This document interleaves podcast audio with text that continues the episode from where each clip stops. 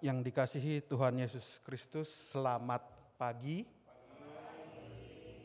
Puji syukur kita panjatkan kehadirat Tuhan yang Maha Kuasa karena begitu besar kasihnya kepada kita semua. Sehingga kita boleh berkumpul dan beribadah kembali di tempat ini secara hybrid dan juga live streaming melalui kanal YouTube GKI Sarwa Indah. Bagi Bapak Ibu, saudara-saudari yang baru pertama kali mengikuti ibadah hybrid dan juga live streaming melalui kanal YouTube GKI Sarwa Indah, kami mengucapkan selamat datang dan selamat bergabung di dalam persekutuan di GKI Sarwa Indah. Pokok-pokok warta untuk hari ini adalah sebagai berikut. Yang pertama, kebaktian umum hybrid Minggu Prapaskah kelima pada pagi hari ini dilayani oleh Pendeta Emeritus Rudianto Jaya Kartika dari GKI Pondok Indah. Yang kedua, kebaktian remaja onsite diadakan pada hari ini, Minggu 26 Maret 2023, pukul 8 WIB dengan tema Sharing is Caring. PF oleh Pendeta Christian Dewantara, Majelis Pendamping oleh Penatua Sahala Lumban Raja, bertempat di ruang ibadah Remaja Sekolah Nusa Indah. Mohon perhatian jemaat. Yang ketiga, persiapan guru sekolah minggu diadakan pada hari ini, Minggu 26 Maret 2023. Pukul 10 sampai dengan 11.30 WIB dilayani oleh Penatua Immanuel Marino dan bertempat di Sekolah Nusa Indah. Mohon perhatian jemaat.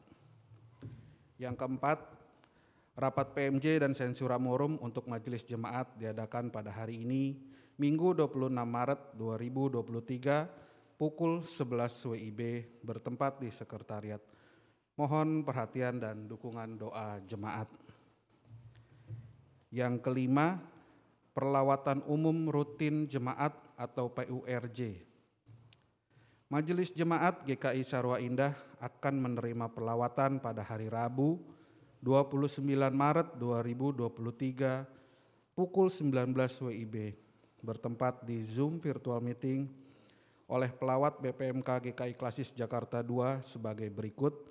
Yang pertama, Pendeta Marvan F. Niki Julu dari GKI Serpong. Yang kedua, Penatua Catuningrum Konfronita S dari GKI Ampera Raya. Yang ketiga, Penatua Krishna Oktavianus Dwi Putra dari GKI, GKI Graha Raya. Mohon perhatian dan dukungan doa dari jemaat. Yang keenam, Komisi Persekutuan dan Peribadatan atau PA Online akan diadakan pada hari Kamis 30 Maret 2023 pukul 19.30 dengan tema kesederhanaan dan pengorbanan pangkal kemuliaan. PF oleh Penatua Sahala Lumban Raja, Majelis Pendamping oleh Penatua Dedi Rustam Simanjuntak, dan MC oleh Ibu Juliana M. Buki. Bertempat di Zoom virtual meeting, mohon perhatian dan partisipasi jemaat. Yang ketujuh, persekutuan doa pagi akan diadakan pada hari Sabtu 1 April 2023 pukul 6 WIB.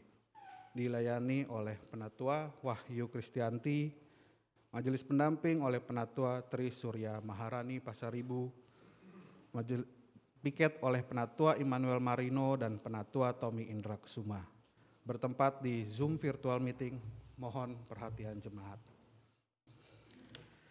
Yang kedelapan, latihan paduan suara gabungan dalam rangka menyambut Pasca, latihan paduan suara gabungan akan diadakan setiap hari Sabtu pukul 16 WIB bertempat di sekretariat. Mohon perhatian dan partisipasi jemaat. Tuhan Yesus memberkati pelayanan kita bersama. Demikian pokok-pokok warta untuk hari ini. Untuk lebih lengkapnya, jemaat dapat membaca di warta jemaat dalam bentuk file PDF. Segenap majelis jemaat mengucapkan selamat beribadah dan Tuhan memberkati.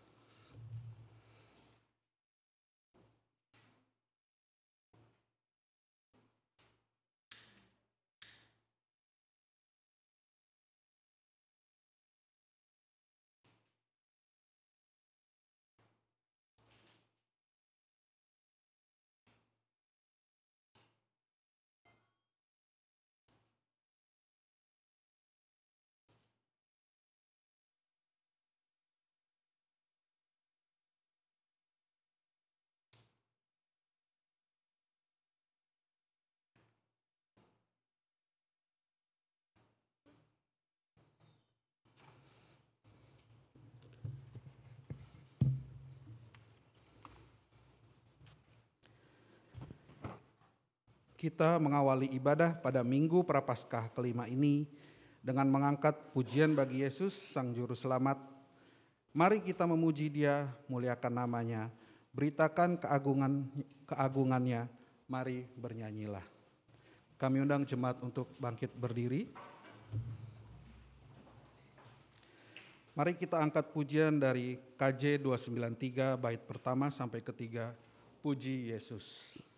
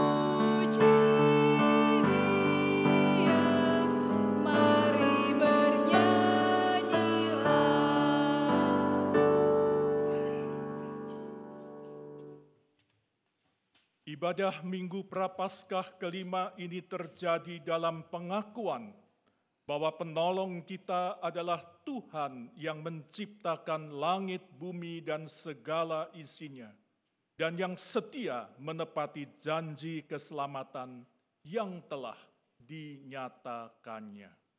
Amin.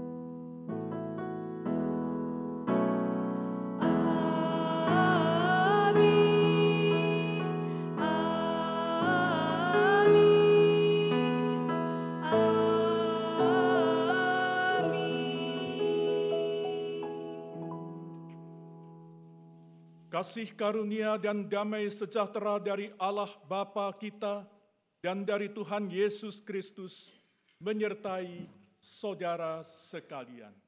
Dan menyertai saudara juga.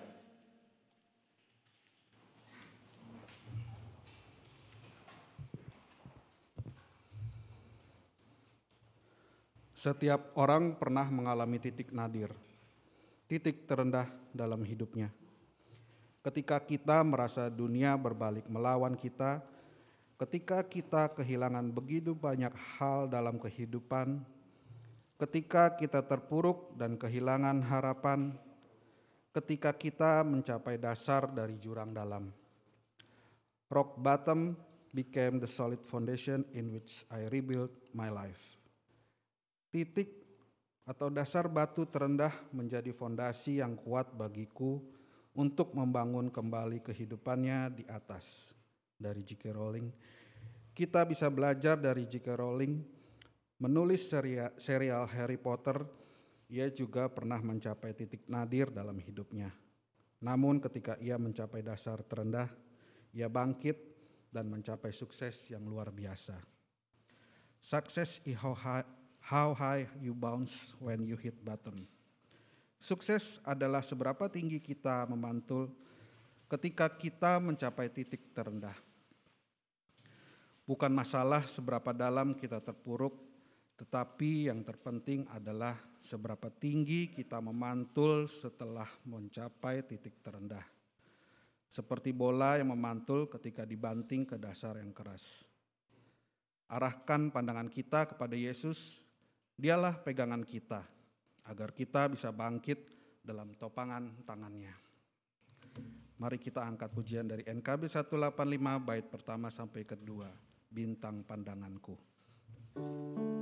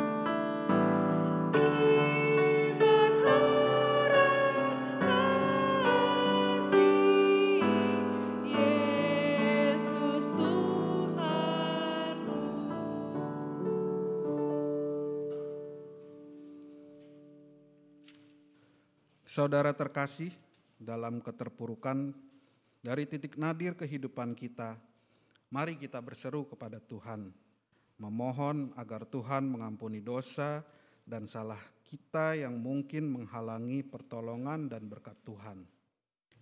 Kita mohon agar Tuhan mengulurkan tangan, mengangkat kita dari lembah sengsara.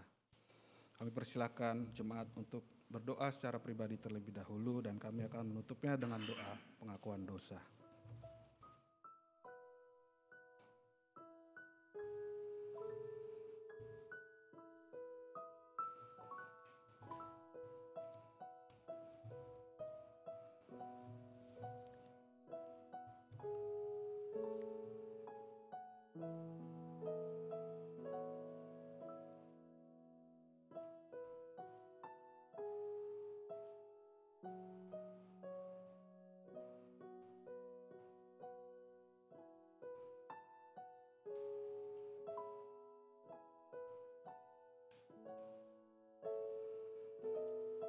Bapa yang bertahta di dalam kerajaan sorga, pada kesempatan hari ini kami datang ke hadiratmu untuk mengakui segala dosa dan pelanggaran yang telah kami perbuat.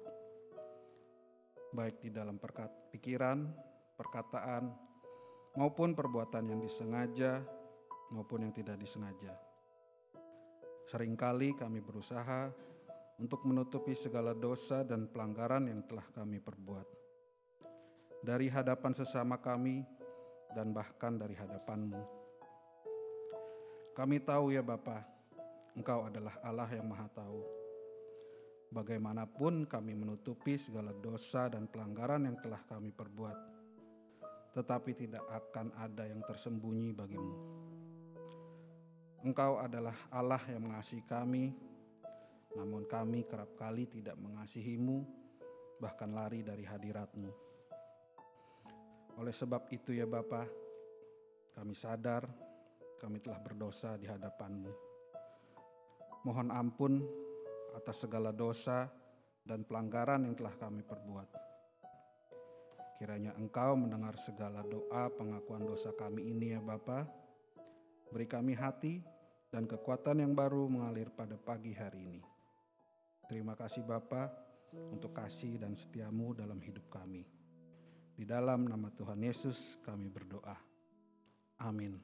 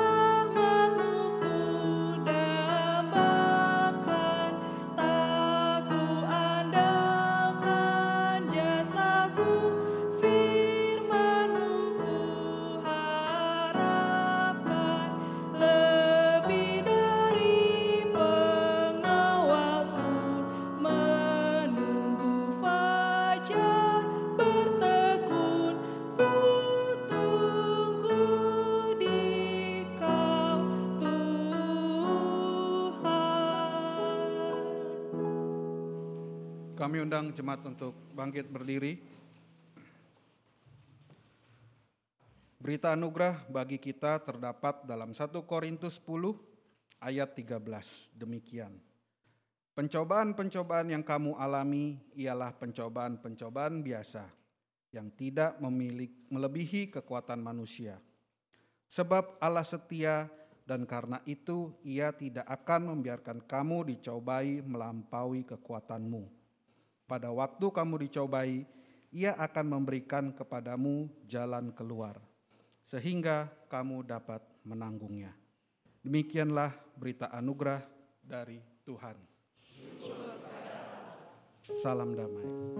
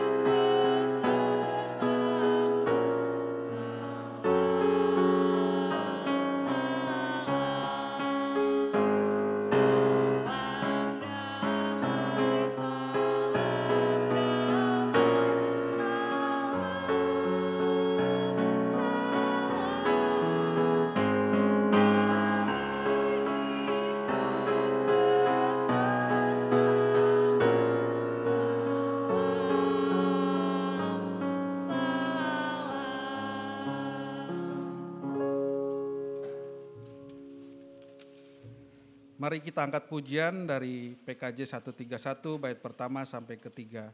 Ku yakin Tuhan tuntun langkahku.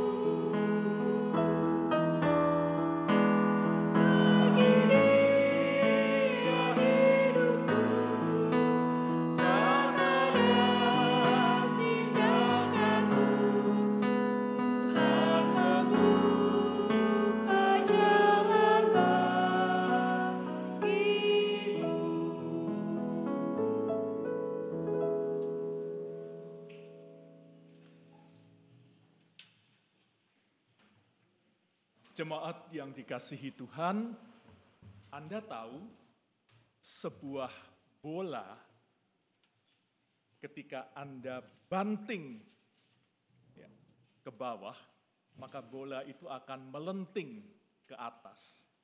Makin keras dia dibanting, makin dia melenting ke atas.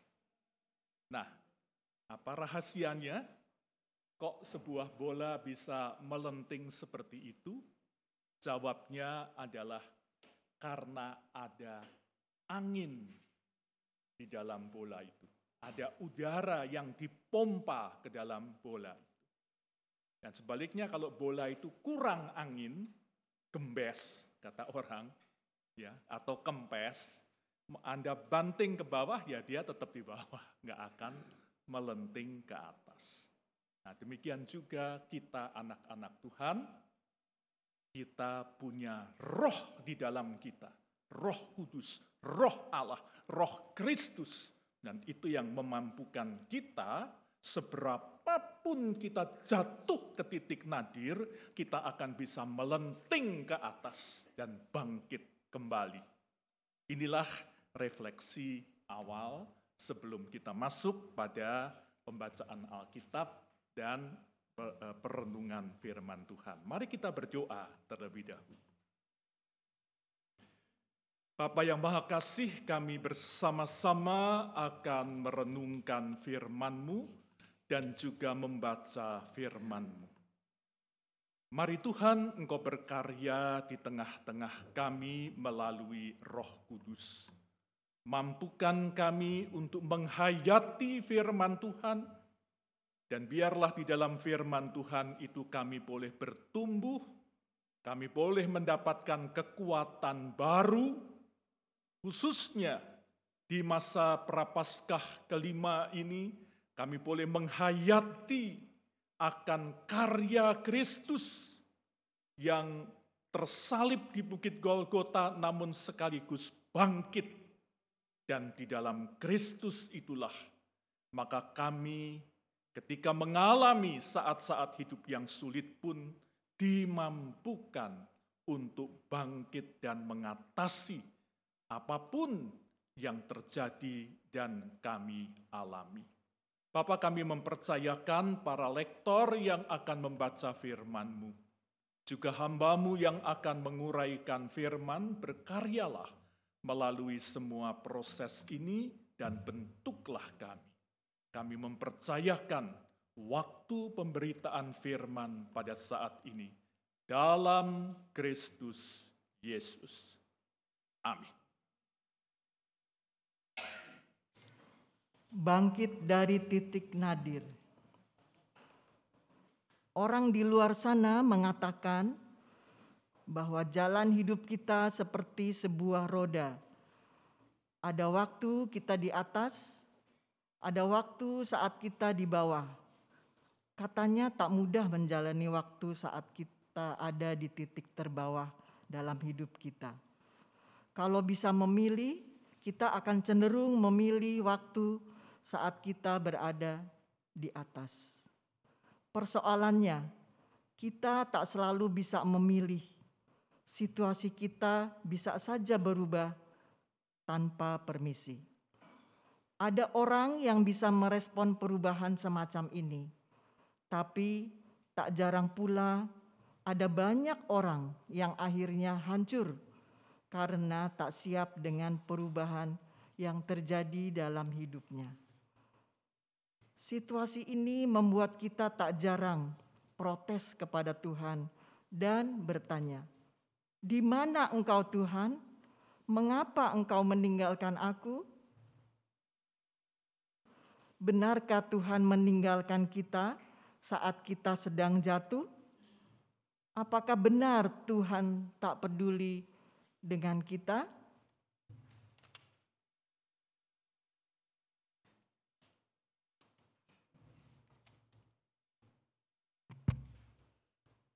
Pembacaan kitab diambil dari Yehezkiel pasal 37 ayat 1 sampai dengan ayatnya yang ke-14.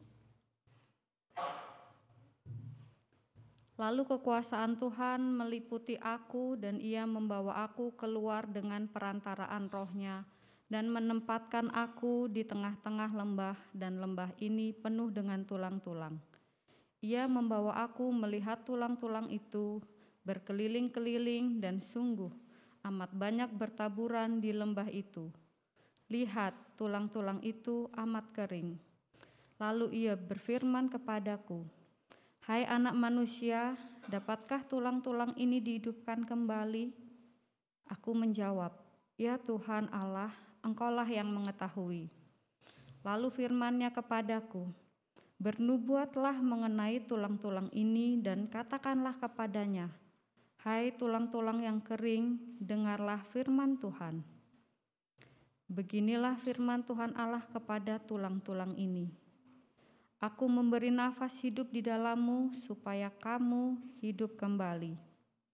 Aku akan memberi urat-urat padamu dan menumbuhkan daging padamu. Aku akan menutupi kamu dengan kulit dan memberikan kamu nafas hidup, supaya kamu hidup kembali, dan kamu akan mengetahui bahwa Akulah Tuhan. Lalu aku bernubuat seperti diperintahkan kepadaku, dan segera sesudah itu dan segera sesudah aku bernubuat, kedengaranlah suara.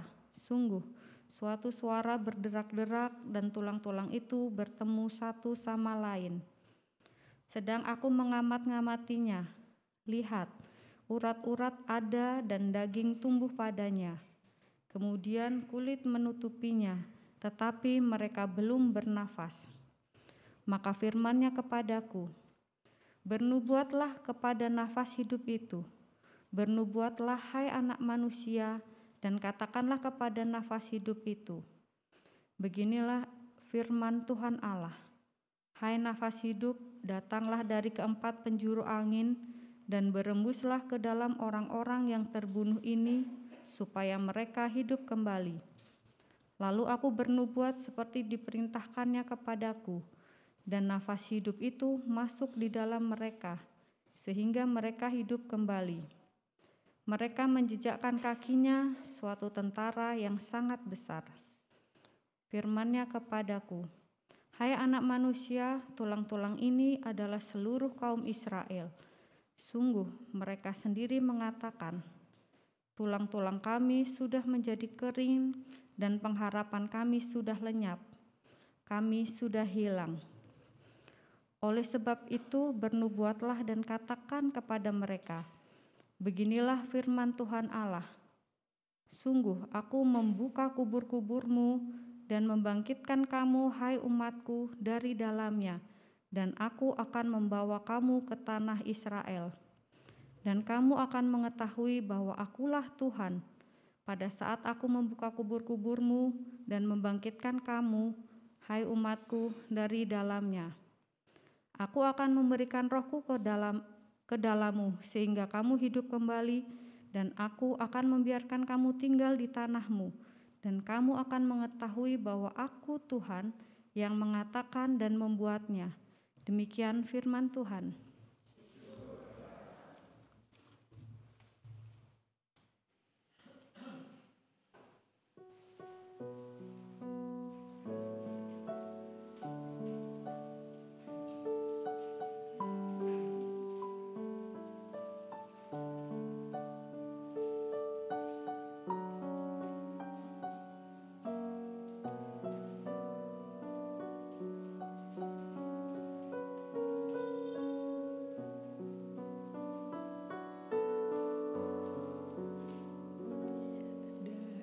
Dari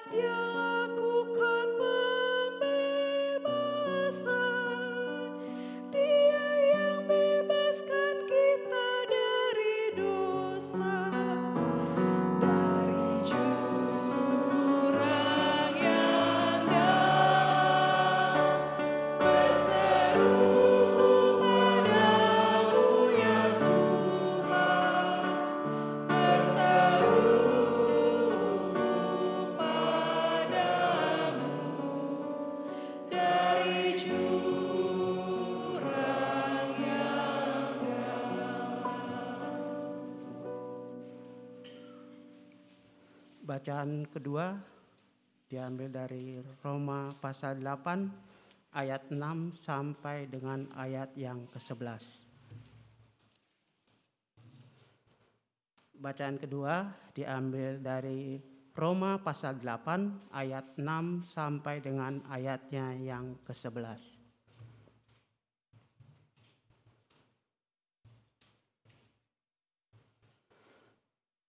Karena keinginan daging adalah maut, tetapi keinginan roh adalah hidup dan damai sejahtera.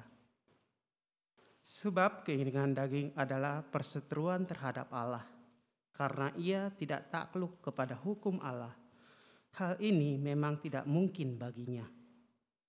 Mereka yang hidup dalam daging tidak mungkin berkenan kepada Allah. Tetapi kamu tidak hidup dalam daging, melainkan dalam roh. Jika memang roh Allah diam di dalam kamu. Tetapi jika orang tidak memiliki roh Kristus, ia bukan milik Kristus. Tetapi jika Kristus ada dalam kamu, maka tubuh memang mati karena dosa, tetapi roh adalah kehidupan oleh karena kebenaran. Dan jika roh dia yang telah membangkitkan Yesus dari antara orang mati, diam di dalam kamu, maka ia yang telah membangkitkan Kristus Yesus dari antara orang mati akan menghidupkan juga tubuhmu yang fana itu oleh rohnya yang diam di dalam kamu. Demikianlah sabda Tuhan.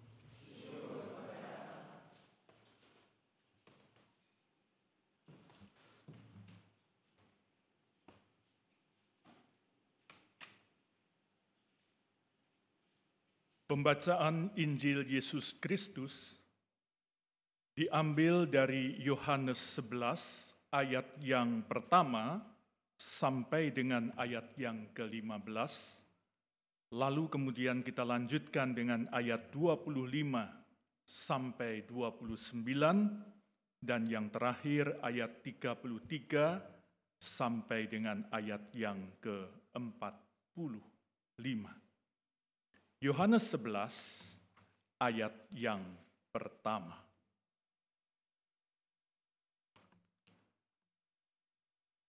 Ada seorang yang sedang sakit, namanya Lazarus, dari Betania, kampung Maria dan saudaranya Marta.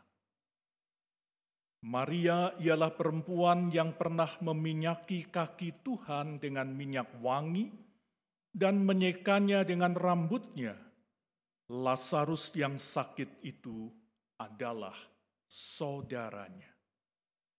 Kedua perempuan itu pun mengirim kabar kepada Yesus. Tuhan, dia yang engkau kasihi sakit. Ketika Yesus mendengar kabar itu, ia berkata, "Penyakit itu tidak akan membawa kematian, tetapi akan menyatakan kemuliaan Allah, supaya melalui penyakit itu Anak Allah dimuliakan." Yesus mengasihi Marta dan saudaranya Lazarus. Namun setelah didengarnya bahwa Lazarus sakit, ia tinggal dua hari lagi di tempat ia berada. Sesudah itu ia berkata kepada murid-muridnya, Mari kita kembali lagi ke Yudea. Murid-murid itu berkata kepadanya, Rabi, baru-baru ini orang-orang Yahudi mencoba melempari engkau masih maukah engkau kembali ke sana? Jawab Yesus, bukankah siang hari lamanya 12 jam?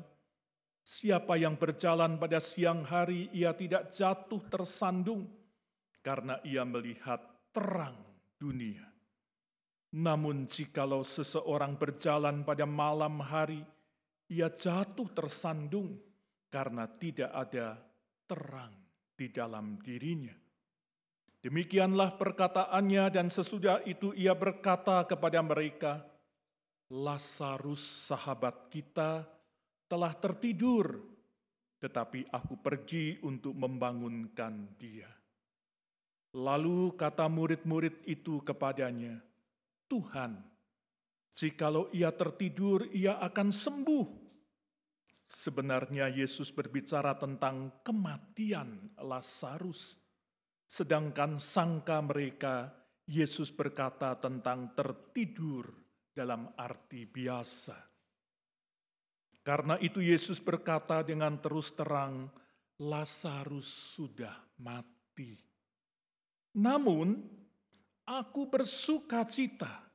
Aku tidak hadir pada waktu itu, sebab itu demi kebaikanmu, supaya kamu dapat percaya marilah kita pergi sekarang kepadanya. Kita lanjutkan dengan ayat yang ke-25. Jawab Yesus kepadanya, Akulah kebangkitan dan hidup. Siapa yang percaya kepadaku, ia akan hidup, walaupun ia sudah mati dan setiap orang yang hidup dan yang percaya kepadaku tidak akan mati selama-lamanya. Percayakah engkau akan hal ini? Jawab Marta, Ya Tuhan, aku percaya bahwa engkaulah Mesias anak Allah yang datang ke dalam dunia. Sesudah berkata demikian, ia pergi memanggil saudaranya Maria, dan berbisik kepadanya, "Guru ada di sana, dan ia memanggil engkau." Mendengar itu, Maria segera bangkit, lalu pergi menemui dia. Dan kita lanjutkan dengan ayat 33. Ketika Yesus melihat Maria menangis dan begitu juga orang-orang Yahudi yang datang bersama dia. Kesalah hatinya, ia terguncang dan berkata, "Di manakah kamu baringkan dia?" Jawab mereka, "Tuhan, marilah dan lihatlah." Lalu menangislah Yesus. Kata orang-orang Yahudi, "Lihat, ia sungguh mengasihi dia." Namun beberapa orang di antaranya berkata, "Ia yang mencelikkan mata orang buta, tidak sanggupkah ia bertindak sehingga orang ini tidak mati?" Yesus sekali lagi kesal lalu pergi ke kubur itu Kubur itu sebuah gua yang ditutup dengan batu. Kata Yesus, angkat batu itu. Marta, saudara orang yang meninggal itu berkata kepadanya, Tuhan, ia sudah berbau, sebab sudah empat hari ia mati. Jawab Yesus, bukankah sudah kukatakan kepadamu, Jikalau engkau percaya, engkau akan melihat kemuliaan Allah. Mereka pun mengangkat batu itu. Lalu Yesus menengadah ke atas dan berkata, Bapa, aku mengucap syukur kepadamu karena engkau telah mendengarkan aku. Aku tahu bahwa engkau selalu mendengarkan aku, tetapi oleh karena orang banyak yang berdiri di sini mengelilingi aku, Aku mengatakannya supaya mereka percaya bahwa engkaulah yang telah mengutus aku.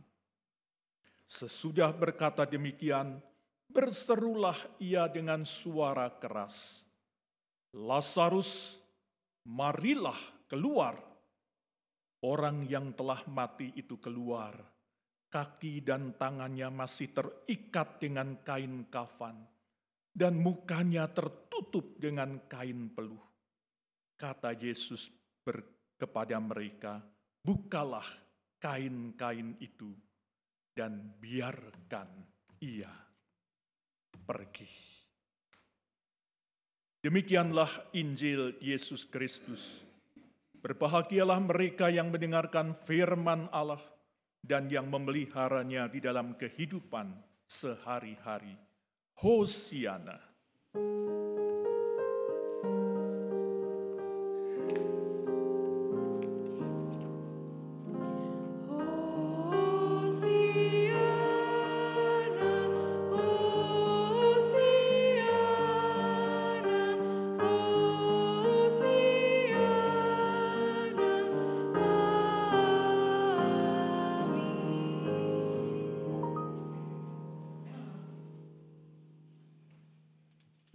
Yang dikasihi Tuhan, baik yang berada di tempat ibadah ini maupun juga yang mengikuti secara daring di tempat masing-masing.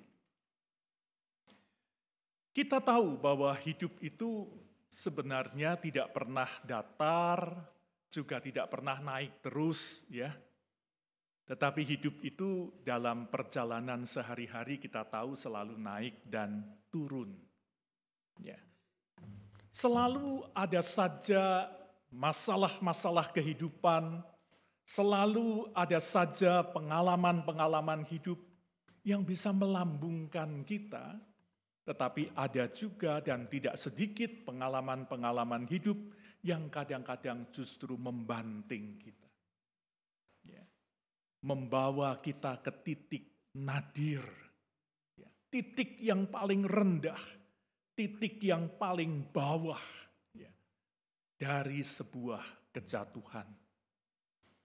Titik nadir di mana kita kehilangan yang namanya pengharapan. Kita putus asa dan bisa saja membawa kita pada sebuah tindakan nekat kadang-kadang. Karena udah nggak tahu lagi kan mau apa, lalu kemudian tindakannya bisa bunuh diri, atau melakukan perbuatan kriminal. Ya, ya udah saya mau berusaha begini nggak bisa, berusaha gitu nggak bisa. Yang paling gampang apa? Paling gampang ya sudah saya mencuri saja, saya ngerampok saja, dan sebagainya. Nah, saudara-saudaraku, di dalam bacaan kita pada hari ini, kita menjumpai dua gambaran tentang titik nadir yang ajaibnya keduanya berakhir dengan kebangkitan. Yang pertama adalah penglihatan dari Yehezkiel. Ya. Bagaimana Yehezkiel itu melihat di satu lembah itu ada tulang-tulang yang sudah amat kering berserakan di sana. Ya. Artinya apa kalau sudah amat kering? Itu berarti sudah lama matinya. Ya. Jadi sisa-sisa daging yang nempel itu udah nggak ada, tinggal tulang saja yang kering begitu. Nah ini adalah simbol dari situasi yang tanpa pengharapan. Kalau kita berbicara tulang yang kering, maka tidak mungkin tulang itu bisa dihidupkan kembali. Apalagi kita bicara tentang bangkit gitu. Apa ya bisa gitu. Ya. Tetapi yang menarik di dalam penglihatan Yehezkiel itu adalah Yehezkiel kemudian diminta oleh Tuhan untuk bernubuat agar tulang-tulang ini mulai bersatu. Lalu Yehezkiel diminta untuk bernubuat agar nafas kehidupan, roh yang menghidupi itu bertiup. Dan dengan roh yang menghidupi itulah, maka akhirnya terbentuk satu bala tentara yang besar. Ya. Dan kita tahu yang dimaksud dengan roh itu di dalam Yehezkiel 37 ayat yang ke-11 dikatakan bahwa itu adalah roh Tuhan. Ya, saudara bisa periksa nanti Yehezkiel 37 ayat yang ke-11 itu, roh itu, nafas kehidupan itu adalah roh Tuhan.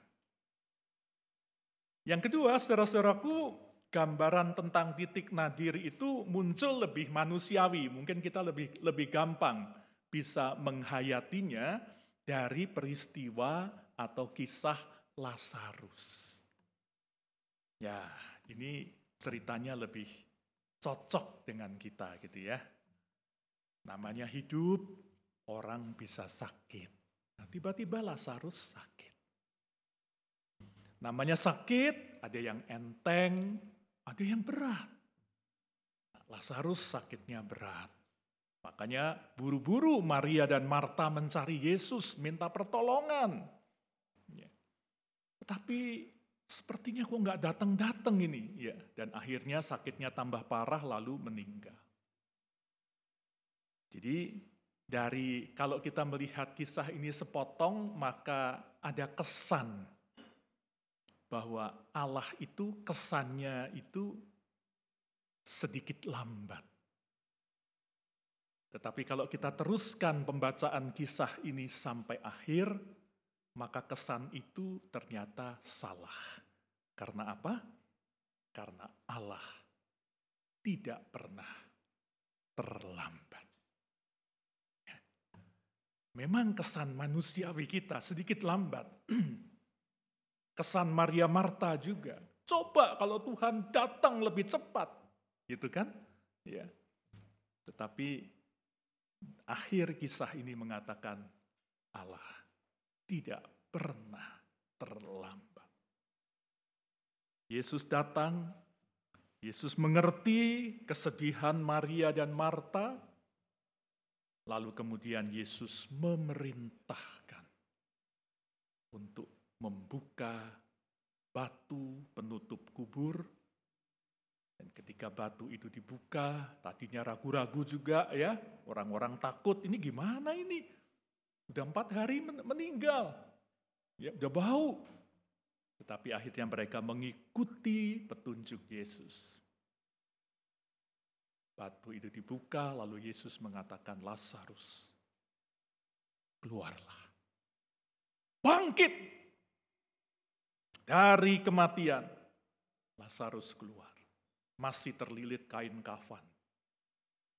Dan disuruh buka kain kafan itu, dan Lazarus berjalan.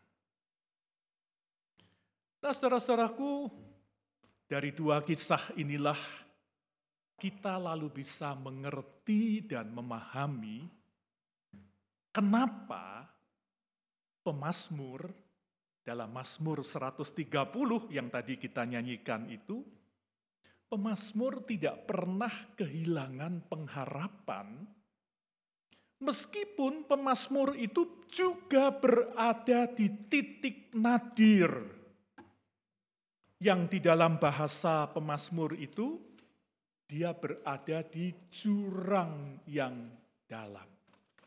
Jadi dia turun ke jurang yang dalam, ya, dia jatuh ke jurang yang dalam itu. Mestinya udah putus asa begitu ya. Tetapi seperti lagu yang kita nyanyikan tadi, dari jurang yang dalam berseruku padamu, ya Tuhan. Pemasmur juga berada di titik nadir kehidupannya. Entah karena apa bisa sakit, bisa gagal, bisa berbagai macam hal. Kehidupan ini bisa membawa kita ke titik nadir. Tetapi pemazmur dari jurang yang dalam, dia berseru. Dia tahu bahwa di dalam hidupnya ada Tuhan. Dia tidak pernah kehilangan imannya. Begitu juga dengan Rasul Paulus. Jadi keempat bacaan kita ini saling mendukung. Ya. Saudara-saudaraku, Rasul Paulus mengatakan di dalam bacaan kita tadi, Fatsal eh, Roma 8, ya, Roma 8 ayat yang ayat yang terakhir, ayat yang ke-11 itu dikatakan saya bacakan ya. Jika roh dia yang telah membangkitkan Yesus dari antara orang mati tinggal di dalam kamu, maka ia yang telah membangkitkan Kristus dari antara orang mati akan menghidupkan juga tubuhmu yang fana itu oleh rohnya yang tinggal di dalam Memang Paulus berbicara dalam konteks ayat 11 ini tentang kebangkitan eh, orang mati di masa yang akan datang. Ya, kebangkitan tubuh kita nanti. Ya. Itu adalah sebuah kepastian. Karena apa? Karena di dalam diri kita ada roh, ada roh dia yang membangkitkan Yesus. Nah, kalau dia sudah membangkitkan Yesus, mengapa dia tidak bisa membangkitkan kita? Tetapi, apakah roh itu hanya bekerja di masa depan? Itu pertanyaan. Tidak. Roh itu juga bekerja dalam kehidupan kita sekarang. Roh itu bekerja ketika Israel kehilangan pengharapan di tanah pembuangan. Ketika Israel mengatakan tulang-tulang kami sudah kering, pengharapan kami sudah pupus. Tetapi Yehezkiel mengatakan ada roh Tuhan yang akan membangkitkan kamu. Dan ini bukan soal kebangkitan orang mati di masa datang tetapi ini adalah spirit kebangkitan yang memampukan kita untuk terus melenting tinggi. Seperti bola yang dibanting tadi. Kata kuncinya cuma satu.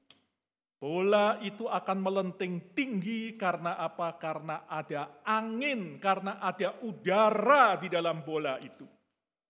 Dia tidak kekurangan angin, Nah, saudara-saudaraku, spirit atau roh Allah yang ada ini bekerja di dalam diri kita juga, saudara-saudara. Ya, seperti kata Rasul Paulus tadi. Di dalam dirimu itu ada roh dia yang sudah membangkitkan Yesus. Nah, karena itu percayalah bahwa dia mampu juga membawa engkau keluar dari titik nadir. Jangan pernah putus asa ketika engkau gagal, ketika engkau jatuh.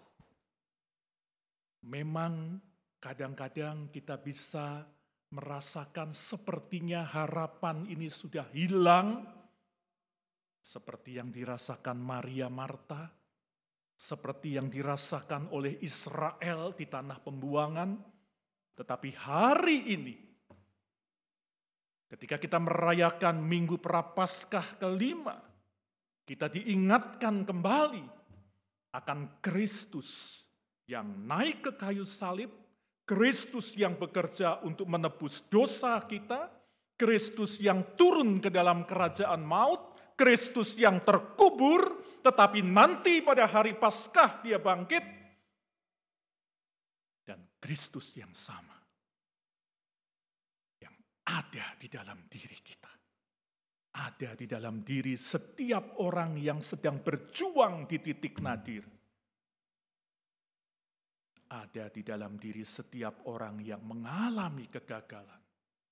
Ada di dalam diri setiap orang yang kehilangan pengharapan.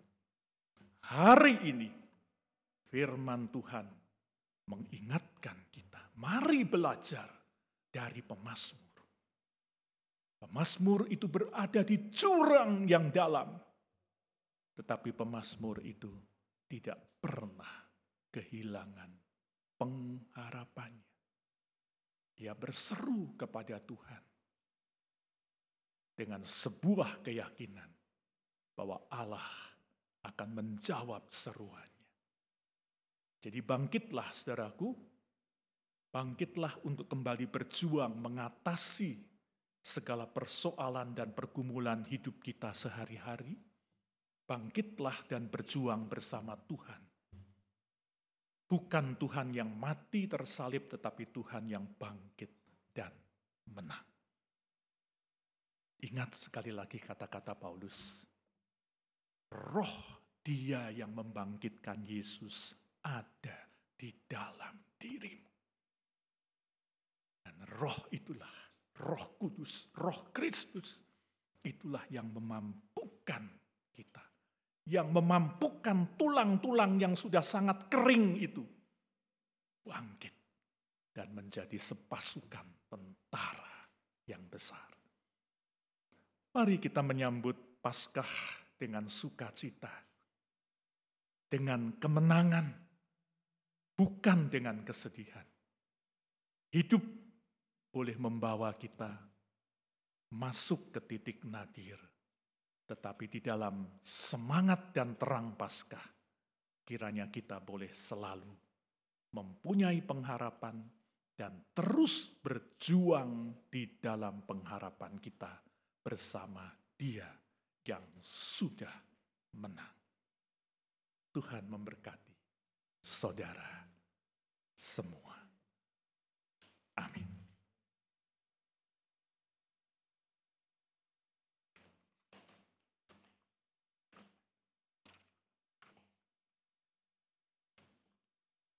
Betul bahwa hidup kita bisa seperti roller coaster.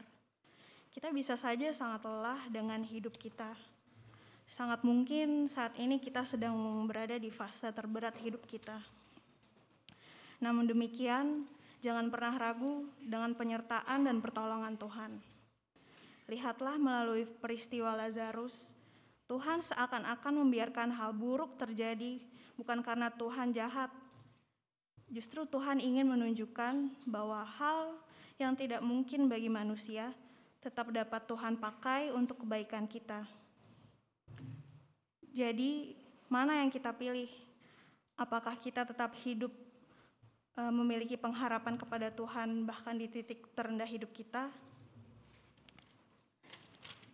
Sebaiknya kita ja- eh, jangan pernah ragu dengan cara Tuhan.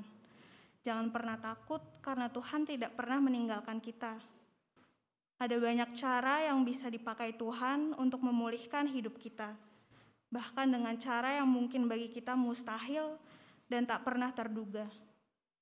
Kuncinya hanya satu: tetaplah berpengharapan dan berserah pada pertolongan Tuhan. Biarlah Tuhan yang senantiasa memimpin kehidupan kita.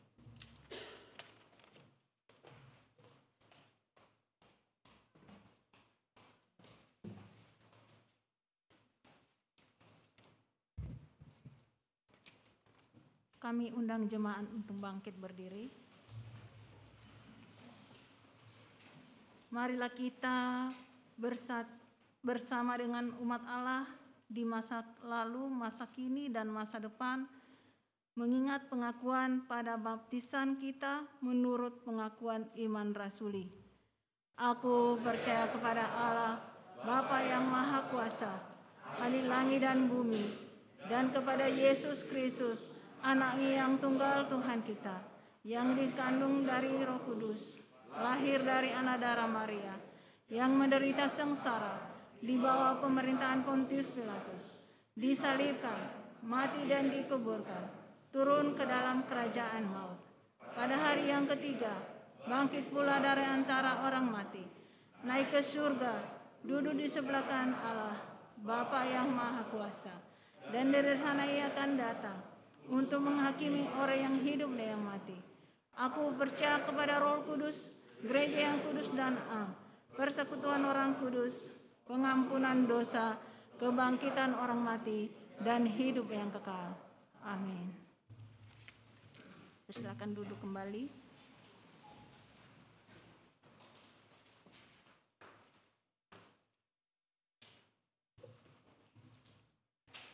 Kita berdoa.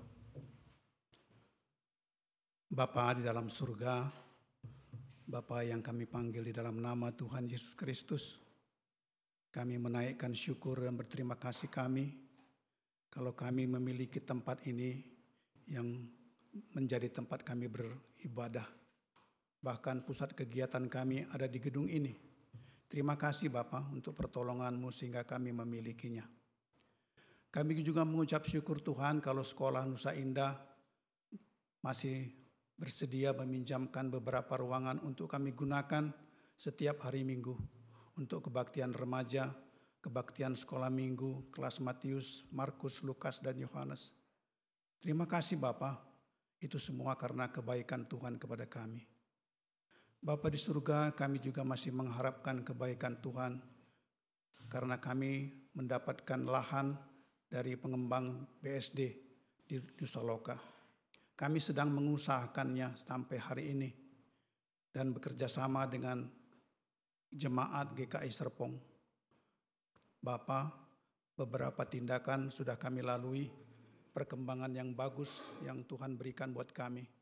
Saat ini kami mengupayakan beberapa gambar yang dibutuhkan oleh pemerintah daerah agar mereka dapat mengeluarkan izin pembangunan gedung PBG sehingga kami dapat memulai untuk membangun gereja di Nusa Loka. Tolonglah kami Bapa, berkati kami semua yang mengupayakannya dan juga berkatilah pemerintah daerah sehingga mereka bermurah hati memberikan izin kepada kami. Kami juga berdoa untuk lahan kami di Dusun Tiga yang Tuhan juga sudah berikan kepada kami beberapa lama waktunya. Saat ini lahan itu belum kami pergunakan secara benar atau seperti peruntukan yang kami cita-citakan untuk membangun gereja. Nah, masih dapat kami gunakan tapi belum kami usahakan menjadi gereja. Karena itu Bapak, Tuhan tetap memberkati kami sebagai anggota majelis agar dapat menjadi mengupayakan lahan itu agar dapat berguna dan menolong kami. Terima kasih Bapak. Kami serahkan semua doa kami tentang lahan ini ke dalam tangan Tuhan. Kami percaya Engkau akan memberikannya kepada kami. Inilah doa kami yang kami naikkan hanya di dalam nama Tuhan Yesus Kristus, Juru Selamat kami yang hidup. Bapa yang Maha Kasih, Seiring dengan tema hari ini, maka kami berdoa buat para sahabat yang saat ini tengah berjuang untuk mengatasi berbagai macam masalah kehidupan yang mereka alami. Para sahabat yang mungkin merasa sudah berada pada titik nadir, tetapi hari ini kiranya Engkau kobarkan kembali pengharapan. Hari ini kiranya Engkau mampukan mereka untuk kembali bangkit dan terus berjuang bersama Tuhan. Mampukan mereka belajar dari pemazmur yang meskipun merasa berada di jurang yang sangat dalam, tetapi mereka tetapi pemazmur boleh tetap berseru kepada Tuhan di dalam iman dan keyakinannya. Dan biarlah Tuhan juga boleh menyertai segala upaya untuk mengatasi masalah kehidupan ini. Dan Tuhan sendiri yang boleh bekerja bersama dengan para sahabat kami ini dan memampukan mereka untuk bangkit dan meraih apa yang mereka harapkan. Bapa yang Maha Kasih, kami berdoa untuk sahabat-sahabat kami yang saat ini tengah dirawat maupun di dalam proses penyembuhan karena sakitnya, ataupun berada dalam kelemahan fisik karena faktor usianya. Mereka-mereka inilah yang kadang-kadang juga merasa berada di titik nadir kehidupan. Tetapi kiranya firman-Mu hari ini juga boleh menyemangati mereka semua. Kami berdoa untuk saudara Christopher Lubis yang dirawat di Rumah Sakit Hermina Serpong. Kami berdoa untuk para sahabat yang di dalam pemulihan.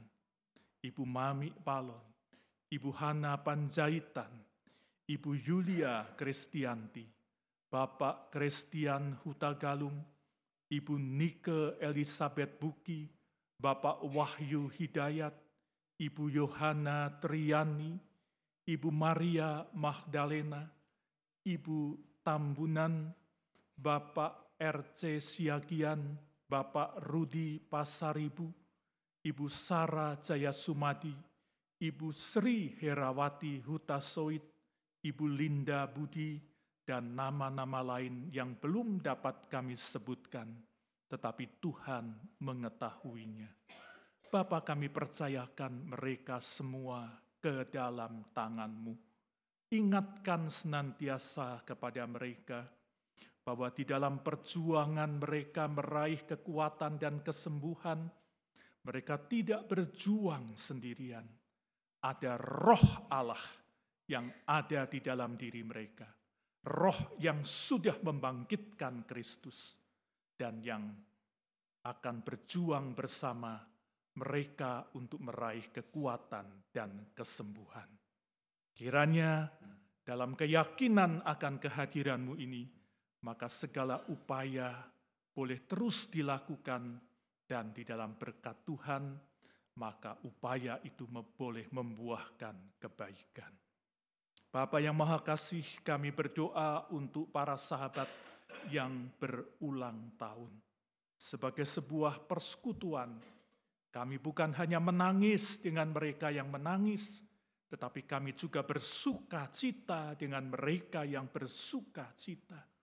Dan karena itu kami berdoa untuk Ibu Regina Antoinette Siahia, Saudara Agung Karunia Sebua, Ibu Dosmariani Tambunan, Bapak Lukas Tangguh Pintoko, Bapak King Hendro Arifin Pasaribu, Saudari Flora Nurliana Pasaribu, dan juga nama-nama lain yang belum dapat kami sebutkan.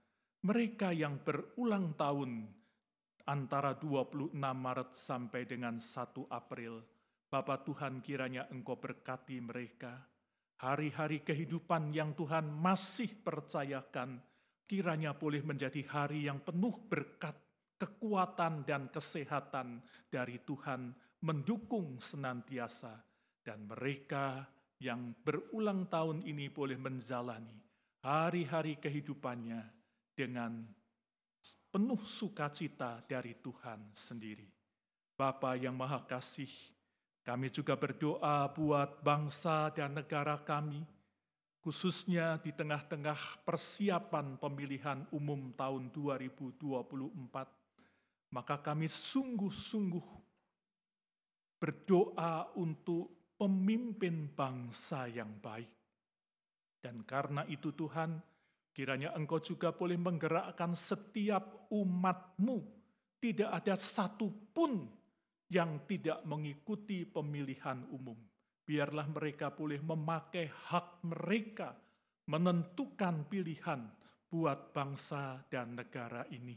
Dan kiranya di dalam anugerah dan pimpinan Tuhan, maka pada akhirnya melalui pemilihan umum seorang pemimpin yang baik, seorang pemimpin yang sungguh-sungguh menghargai keberagaman Indonesia, yang mem memperjuangkan NKRI, yang eh, tidak hanya memperjuangkan kelompoknya sendiri, tetapi seluruh rakyat Indonesia yang boleh terpilih dan memimpin bangsa ini.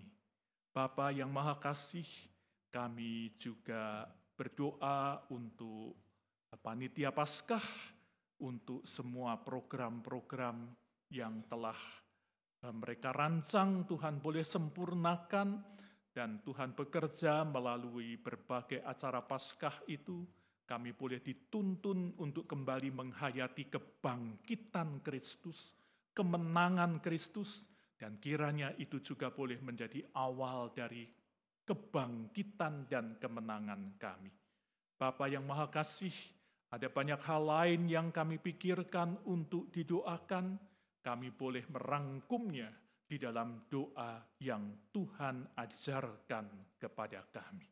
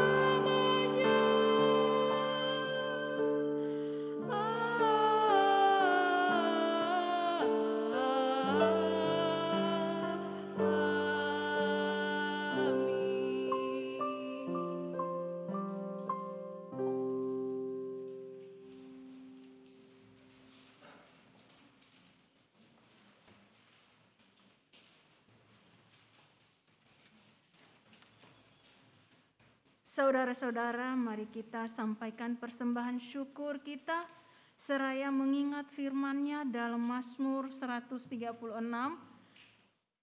ayat 26. Bersyukurlah kepada Allah semesta langit bahwasanya untuk selama-lamanya kasih setianya. Kita akan mengangkat pujian dari PKJ 149 bait 1 sampai 3. Ucap syukur pada Tuhan.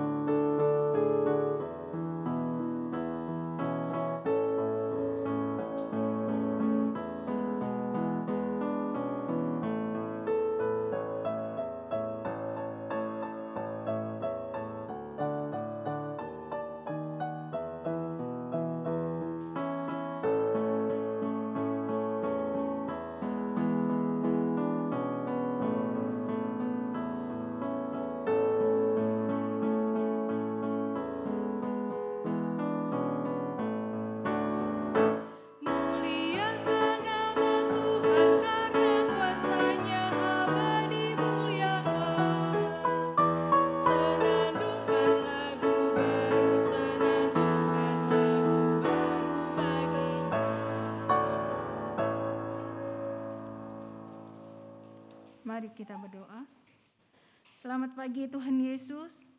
Pada pagi hari ini kembali kami datang kepadamu Tuhan untuk membawa persembahan kami. Berkati semua anak-anakmu yang telah memberikan persembahannya. Biarlah persembahan kami ini menjadi persembahan yang berbau harum di hadapanmu. Berkati kami juga yang mengelola persembahan ini agar bisa mengelolanya dengan baik dan dengan penuh tanggung jawab. Kami berdoa di dalam nama Tuhan Yesus Kristus. Amin.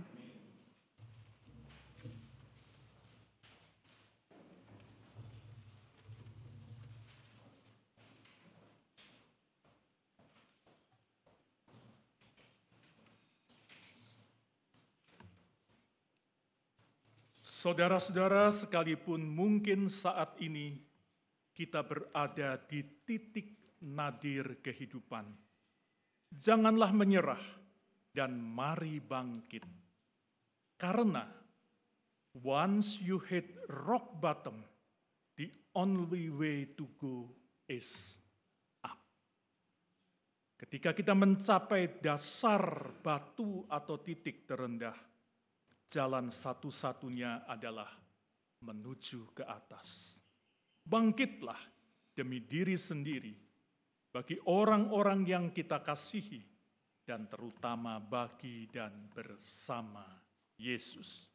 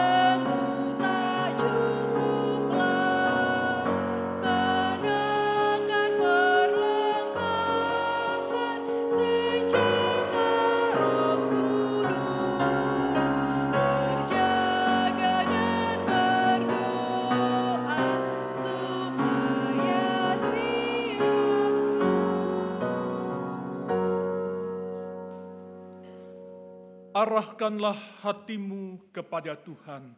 Kami mengarahkan hati kami kepada Tuhan. Jadilah saksi Kristus dengan cara berusaha bangkit dari keterpurukan hidup.